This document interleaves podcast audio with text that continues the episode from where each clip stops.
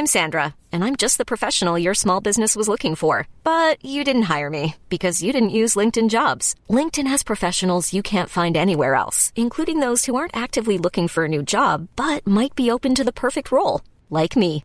In a given month, over 70% of LinkedIn users don't visit other leading job sites. So if you're not looking on LinkedIn, you'll miss out on great candidates like Sandra. Start hiring professionals like a professional. Post your free job on linkedin.com/achieve today.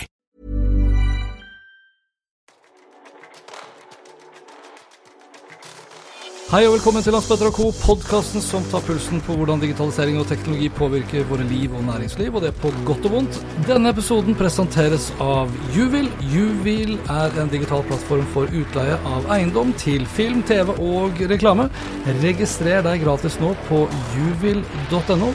Det er da uveil.no. I årets første episode så handlet det om forbrukertrender, nå skal det handle om medietrender. Og I den anledning har jeg fått besøk av Ingvar Sandvik, som er direktør for innovasjon i Kantar. Og han har hvert år de siste ni årene presentert rikets medietilstand, og i år var heller intet unntak. Spørsmålet Ingvar stilte retorisk til årets medietilstand var om pandemien hadde forandret medievanene våre for alltid, eller om vi er på vei tilbake til det samme som før Norge og resten av verden stengte ned. Helt tilbake er vi iallfall ikke enn så lenge, for jeg møtte ikke Ingvar face to face for denne samtalen her, men da over Zoom. Men vi kunne jo selvfølgelig ha møttes over Teams, Webex, FaceTime, Whereby, Messenger Video osv. osv. osv. Og for så vidt også fysisk, dog da fortsatt på trygg avstand. Men det kan jo være at gamle vaner er vonde å vende i dette tilfellet også, og at to år med covid har ført til en varig endring. Det vil for så vidt tiden kun vise. Det første spørsmålet jeg stilte, var derfor om vi er på vei mot den gamle normalen, eller om noen av medietrendene gjennom pandemien vil stå seg selv da etter pandemien. I den første perioden av denne pandemien så så, så vi jo en sterk økning i, i mediebruken uh, totalt sett. Uh, alle heiv seg på, uh, og alle kanaler egentlig fikk et løft. Eh, man så f.eks. også at det var andre brukssituasjoner, f.eks. radio, hvor bilen er et viktig primært lyttested. Da. I større grad ble, også konsumert hjemme. Eh, på tider man vanligvis f.eks. lytter i bil. Eh, men så har vi sett en utflating etter sommeren 2020, for vi må jo egentlig tilbake dit. Det har gått nesten to år nå, ufattelig nok. Så så vi jo en utflating mot mer normale nivåer, som, eh, som kanskje var det vi kunne forventa. Og ser man totalen for 2021, da, så ser man jo at de fleste tradisjonelle medier har eh, noe tilbakegang. Og det indikerer vel at eh, vi er litt mer tilbake på normal, eh, normal gjenge, da. Ja. Eh, ja, for vi, vi har jo sett liksom andre andre trender som kanskje har akselerert kraftig under pandemien. Altså det være seg eh, mat levert på døra, f.eks., for liksom, fordi du hadde nesten ikke noe annet valg.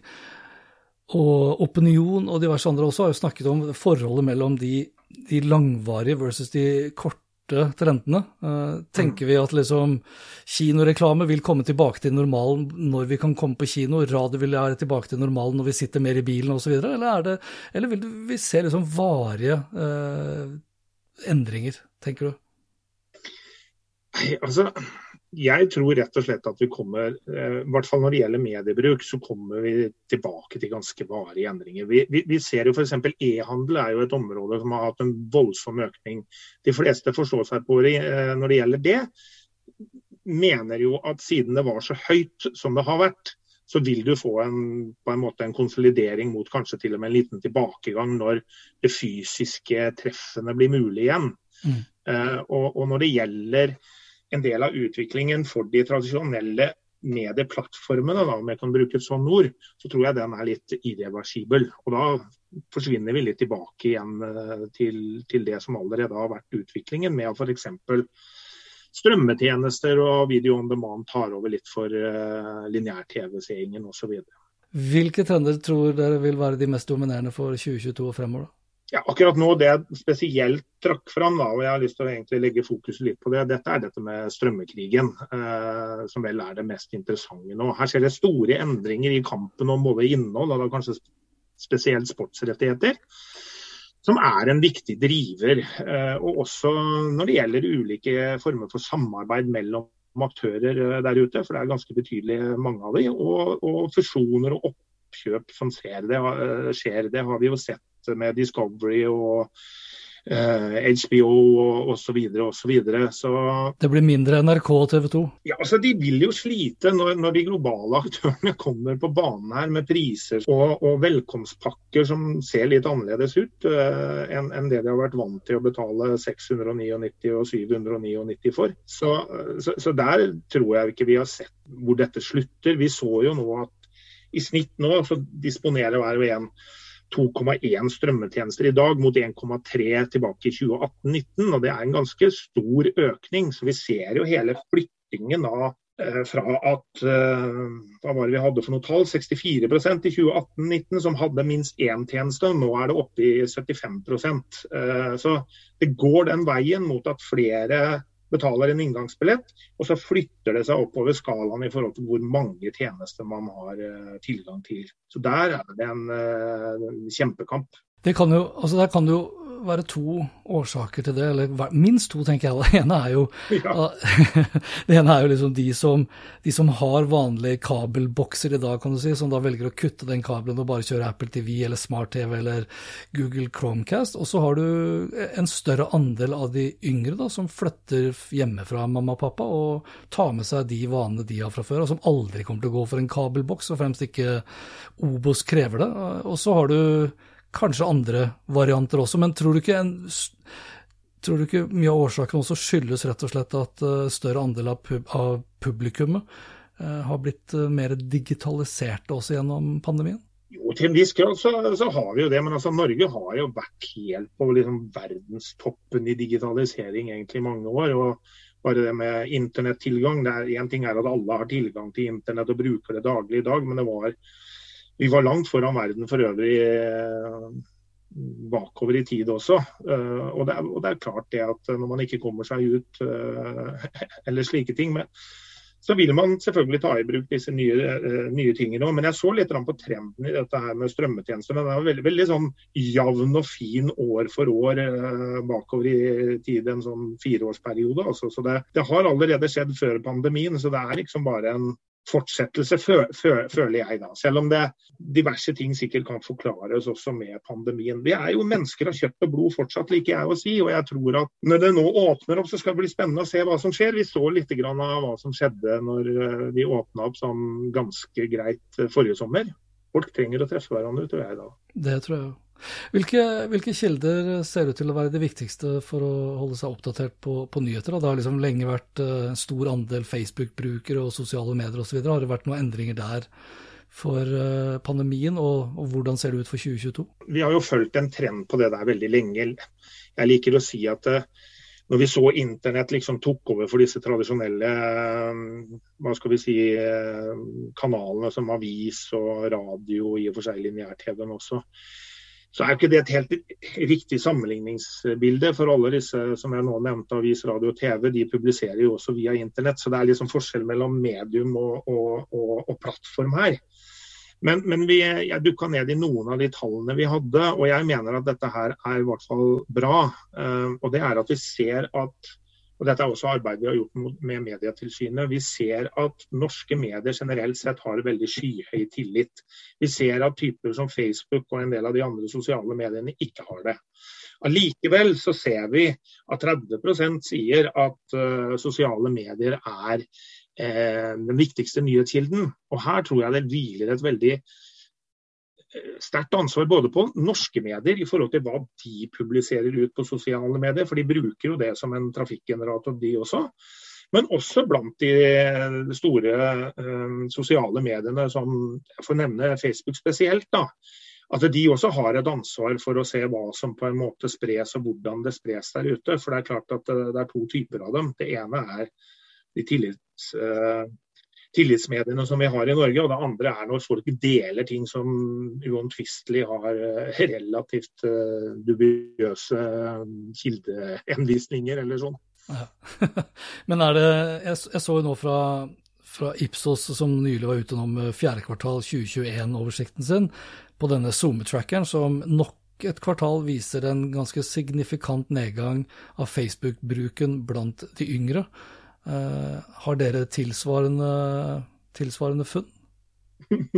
ja, den, den, ble jo jeg uten beskjedenhet uh, eh, norgesberømt for når jeg sa det at eh, Facebook hadde blitt et gamlismedium for, for en del år siden. Jeg vet ikke om du husker det? det jeg jo.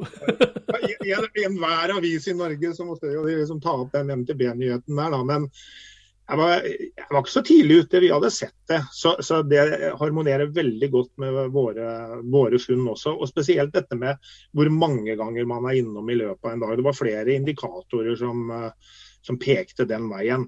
Men, men, men, kjære meg, hvis jeg får lov til å se det. altså Facebook er fortsatt et stort medium, så det skal ikke liksom bare feies under et teppe at de nå mister yngre. Men det er litt med det.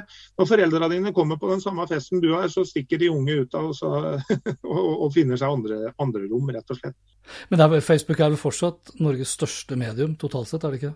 Uh, vet du hva, jeg har ikke Det skulle ikke forundre meg, i hvert fall. Men uh, jeg har ikke akkurat den oversikten akkurat med de siste tallene. For det er en del tall vi ikke har rapportert f.eks. For fra forbruker og media ennå. Uh, den kommer nå i mars, tror jeg vi rapporterer neste forbruker og media-dose. Så da får vi se eksakt hvordan det ser ut. Men i en del aldersgrupper så har f.eks. Snapchat og Instagram passert Facebook.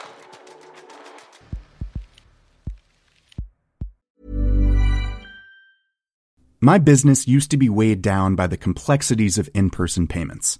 Then, Tap to Pay on iPhone and Stripe came along and changed everything. With Tap to Pay on iPhone and Stripe, I streamlined my payment process effortlessly. Now I can accept in person, contactless payments right from my iPhone. No extra hardware required. What's truly remarkable is how I can cater to all of my customers' payment preferences. Whether they're using cards, Apple Pay, or other digital wallets, Tap to Pay on iPhone and Stripe ensure a smooth checkout experience every time. And it's not just me. Stripe helps businesses of all sizes, from local markets to global retailers, scale quickly and stay agile. To learn how Tap to Pay on iPhone and Stripe can help grow your revenue and reach, visit stripe.com/tapiphone. I'm Sandra, and I'm just the professional your small business was looking for. But you didn't hire me because you didn't use LinkedIn jobs. LinkedIn has professionals you can't find anywhere else, including those who aren't actively looking for a new job but might be open to the perfect role, like me. In a given month, over 70% of LinkedIn users don't visit other leading job sites. So if you're not looking on LinkedIn, you'll miss out on great candidates like Sandra. Start hiring professionals like a professional. Post your free job on linkedin.com slash achieve today. Og så Du sa her i jeg tror det var 2016, da går ganske langt tilbake, at podkast var som Jesus. Mange som hadde hørt om det, men vel, hørt om han, men veldig få som hadde sett han. Hvordan, hvordan står det til med Husker du forresten det sitatet der? Ja, ja, jeg husker jo det. Jeg må alltid prøve å finne på noe litt sånn som, som, som, som gir litt uh, gir litt uh, sleng. vet du, For vi har jo en tendens når man er her på Østlandet, eller spesielt bransje jeg liker uttrykk, uttrykket bransjeflinke til å snakke om ting som egentlig har nådd oss i bransjen, men som ikke helt har blitt tatt ut der ute. Men vi ser jo selvfølgelig at uh, podkasten den øker, men det er ikke noe spesielt stort daglig medium ennå. Men, men, det når mange mennesker uh, gjennom en uke og, og en måned. Og, og, her er jo både redaksjonelt innhold, samtidig som det er kommersielle aktører, altså bedrifter som lager egne podkast. sant? og det er jo også et interessant trekk i seg sjøl. At det blir en marketingkanal for bedrifter. Hvis du tar liksom alle disse mediekanalene, eh, sett i lys av pandemien for så vidt, men sånn inn i 2022 igjen, da, så har jo dere vært veldig gode til å omtale og, se på de respektive dingsene som vi har brukt for å liksom lytte, se, høre, konsumere. Alt fra smarttelefoner, smarthøyttalere, smartklokker osv. Har det endret seg noe spesielt der? Nei, Det har ikke vært den helt store endringen der, akkurat sånn som vi så nå det siste. Det har vært litt mer spennende tidligere på en måte. Jeg tror jeg vet en slide du også refererer til liksom dette her med smarttelefon og nettbrett osv. Det er jo mer eller mindre alle. Så ser vi jo nå at liksom dette med strømmebokser, Apple TV, Chromecast, det øker jevnt og trutt. Det å ha TV-en kobla til internett som gjør en del, om det er via disse strømmeboksene eller rett og slett via en smart-TV, det øker så vidt. Og så er det vel en liten sånn stagnasjon i sånn treningsarmbånd. Smartklokke økte faktisk litt i den, men de de faller litt sammen etter hvert. Eh, altså de, de merger litt. Grann, da. Smarthøyttalerne er det 20% som nå oppgir å ha. og det kan jo bli spennende nå når nye aktører nå melder om at de skal komme med noe som har et uh, mye bedre norsk innhold, for det har vært en av problemene med det. Men det har jo vært forsøkt spredd uh, inn i husstandene da, for å få dem inn. Og så er det jo spørsmålet om når tjenestene blir gode nok for at folk faktisk ser seg tjent med å bruke det, og ikke bare er en sånn morsom morsomhet når det kommer besøk. at, at, du rett og slett opplever at de er smarte? At det er noe å bruke dem til. Jeg kan jo huske langt tilbake i tid, uten sammenligning for øvrig. men når liksom internett kom osv., og, og jeg tror vi var enten på førsten av 2000-tallet eller faktisk på slutten av 90-tallet, hvor man snak, snakka om disse kjøleskapene som skulle bestille varer for deg, for det var tomt og det var doer som skulle måle både det ene og det andre. Det finnes sikkert der ute, men jeg kjenner ennå ingen som har det. Jeg husker selv tilbake til så langt som til 1995, da jeg begynte å jobbe i IT-bransjen. Og internett så vidt begynte liksom å poppe opp, så skulle jo kaffemaskin, da var det jeg husker best, kaffemaskin skulle komme seg på internett. Nå har jeg for så vidt en kaffemaskin på internett, men det er begrensa hva jeg kan gjøre med den enn så lenge. Eh, og det er begrensa ikke minst da, hva jeg kan si av, av, eh, kommandoer som den da evner å respondere på på en smart måte. ja, men, men, endelig kjenner jeg en som har en sånn dings à la det. Kjøleskap eller kaffemaskin eller ja, vi, vi, måtte, vi, hadde vannlekkasje og måtte kjøpe oss litt nytt i forhold til kjøkkenet. Og da har vi jo ovner og hva heter det for noe, oppvaskmaskiner og sånn, som faktisk du kan styre i hvert fall da, fra internett. Jeg syns det hørtes kjempemorsomt ut. Jeg har ennå ikke klart å jeg har ikke prøvd heller, men jeg har ennå ikke klart å starte og stoppe den oppvaskmaskinen. Så jeg må vel få gjort det da, før sommeren. eller noe. Du, vi, vi, spoler litt sånn, eller styrer oss inn, inn mot uh, mediereklamebiten igjen. Uh, og det kan jo være at uh, smarthøyttalere og vaskemaskiner og alt mulig også blir en del av det markedet, bare de blir smarte nok. Da. Men hvordan tror du reklamemarkedet nå kommer til å utvikle seg fremover? Og da tenker jeg mest av alt på de personvernendringer vi har sett i løpet av de siste året, eller årene. IOS 15 fra Apple, eh, den lenge varsla cookie-døden, Schrems 2-lovgivningen her mellom EU og USA osv. Eh, kommer det til å påvirke hvor bedrifter plasserer reklamekronene sine, tror du, i 2022? Uh, hvis jeg skal gi et veldig enkelt svar, så sier jeg nei. man, man, så liksom hva som skulle skje med cookie-døden, og så ble det skjøvet et år. Og Det betydde at det er aktører, også som vi samarbeider med, faktisk, kommer med løsninger som liksom avhjelper det, og som gir i hvert fall målretting fortsatt uh, relevans. da. Uh, og, og, alle spådommene som jeg ser, og jeg ser spesielt på IR, IRM, for de syns jeg er ganske troverdige, og de prøver å fulltelle markedet, så så vi jo at 2021 var jo et helt formidabelt år i forhold til kanskje veksten i 2020, hvor det var en nedgang. Men, men, men, det var mer enn det man trodde. Man endte liksom på 23,2-3 milliarder i omsetning prognosen er fortsatt at eh, de digitale skal øke.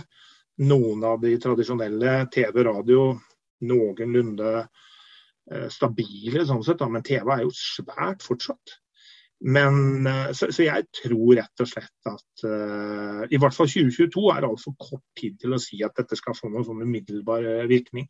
Vi har dreid oss mot det, men, men at det kan skje nye ting uh, der også, det, det, er, det, er, hevet over tvil. For man må finne nye løsninger når, her, når de gamle løsningene blir ulovlige eller umulige å benytte seg av. Altså Cookie-døden gjelder jo til en viss grad når vi tenker oss uh, mobilplattformer med Apple spesielt. da.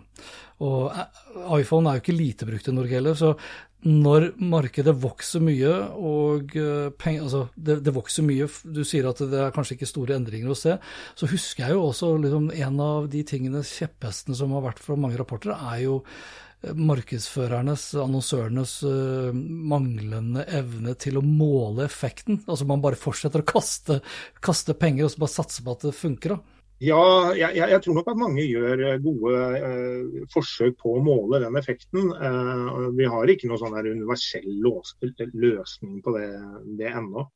Kanskje heldigvis, får jeg si, for da har vi analysebyråene også en jobb foran oss. Så, vi også prøver jo å liksom komme med løsninger der som skal gi, eh, gi et bedre svar, om ikke annet enn å, enn å bare kaste ut. Da. Men jeg tror rett og slett at den avhengigheten av å være på digitalt fortsatt uh, gjelder. Men det, men det, man jo helt klart ser nå, er jo mange markedsførere som ja, Det var i hvert fall ikke like mange kundeklubber som det er i dag for fem år siden. Så de begynner jo å samle dataene selv og, så videre, og se hvordan de kan bruke. Det store spørsmålet er da hva gjør man ved siden av for å rekruttere nye brukere osv. For det er jo også en del av perspektivet, som man ikke ender ut med et sånt det vi i gamle dager kalte stomatolsyndromet.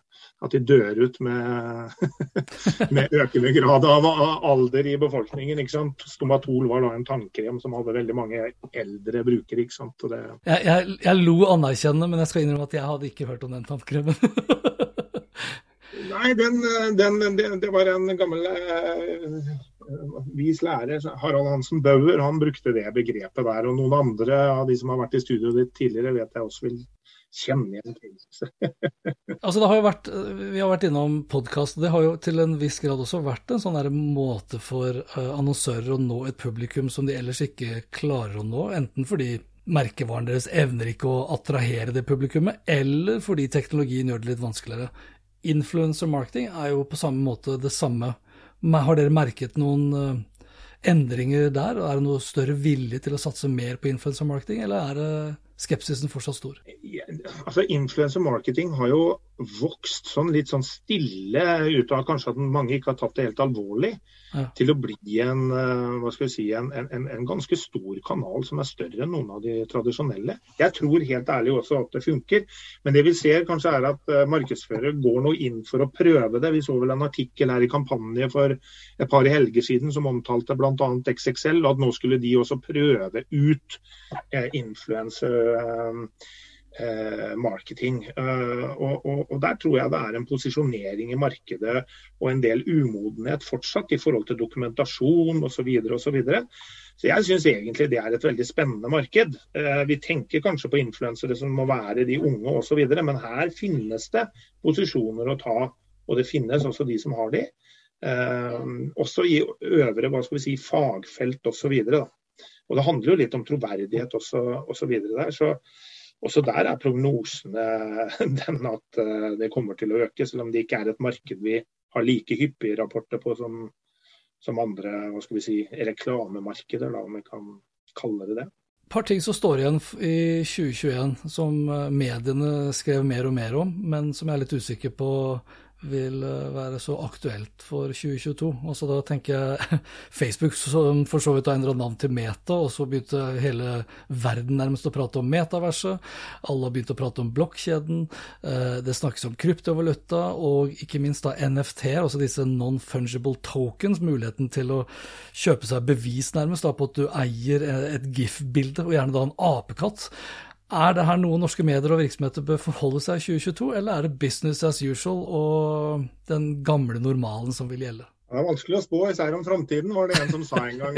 Og vi, vi har sett noen eksempler på det. Internett er en flopp osv. Så, videre. så her skal jeg først bare si huff a meg, dette er egentlig noe jeg kan altfor lite om, uh, Hans Petter. Så, men, men, skal jeg bare ta det rett fra lomma, så tror jeg nok at dette med type blokkjeder og krypto og alt mulig er litt for smalt uh, for vanlige folk, i hvert fall, til at dette blir noen, når en kritisk masse på en stund. Det har man sett andre prognoser på også. Mm. Og Ergo er 22, 2022 altfor tidlig til at dette også skal få en dramatisk konsekvens for uh, hva skal vi si, medieselsk medievirksomhetene, medieselskapene, tror jeg. Men du har jo lært meg litt om, om, om, hva som skjer ellers i verden, og disse her posisjoneringene og investeringene fra, fra, teknologiselskapene.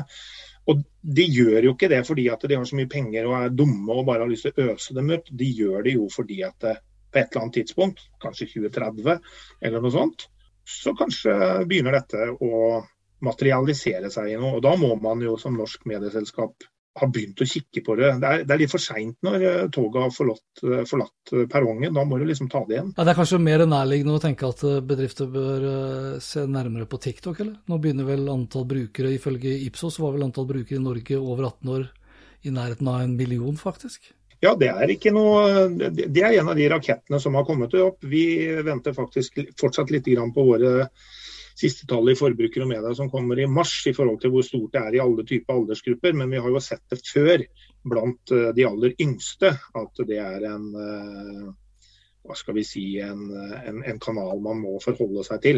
Men som markedsfører så skal du nok være litt aktsom for hva du innleder deg inn på der, uten at jeg kjenner absolutt alle fagfellene, om vi kan si det sånn utpå der. Men, eh, men noen er det uomtvistelig.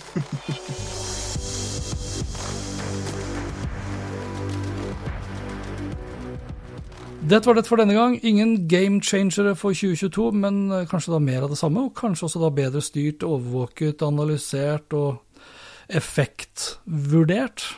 Personlig så tror jeg personvernfokuset i EU vil gjøre det særs viktig for alle virksomheter å jobbe strategisk med førstepartsdata fremover, for det er ingen tvil om at tilgangen på både andre- og tredjepartsdata vil innskrenkes. Som sagt, vær nysgjerrig og still da for guds skyld kritiske spørsmål. Det er ikke noe galt i å være skeptisk, det er heller ikke galt å digge teknologi, men ikke vær en teknosjåvinist. Og for all del, ikke vær likegyldig heller. Lenke til alt jeg har snakket om finner du som alltid på hanspetter.info. Vi snakkes. Hei då.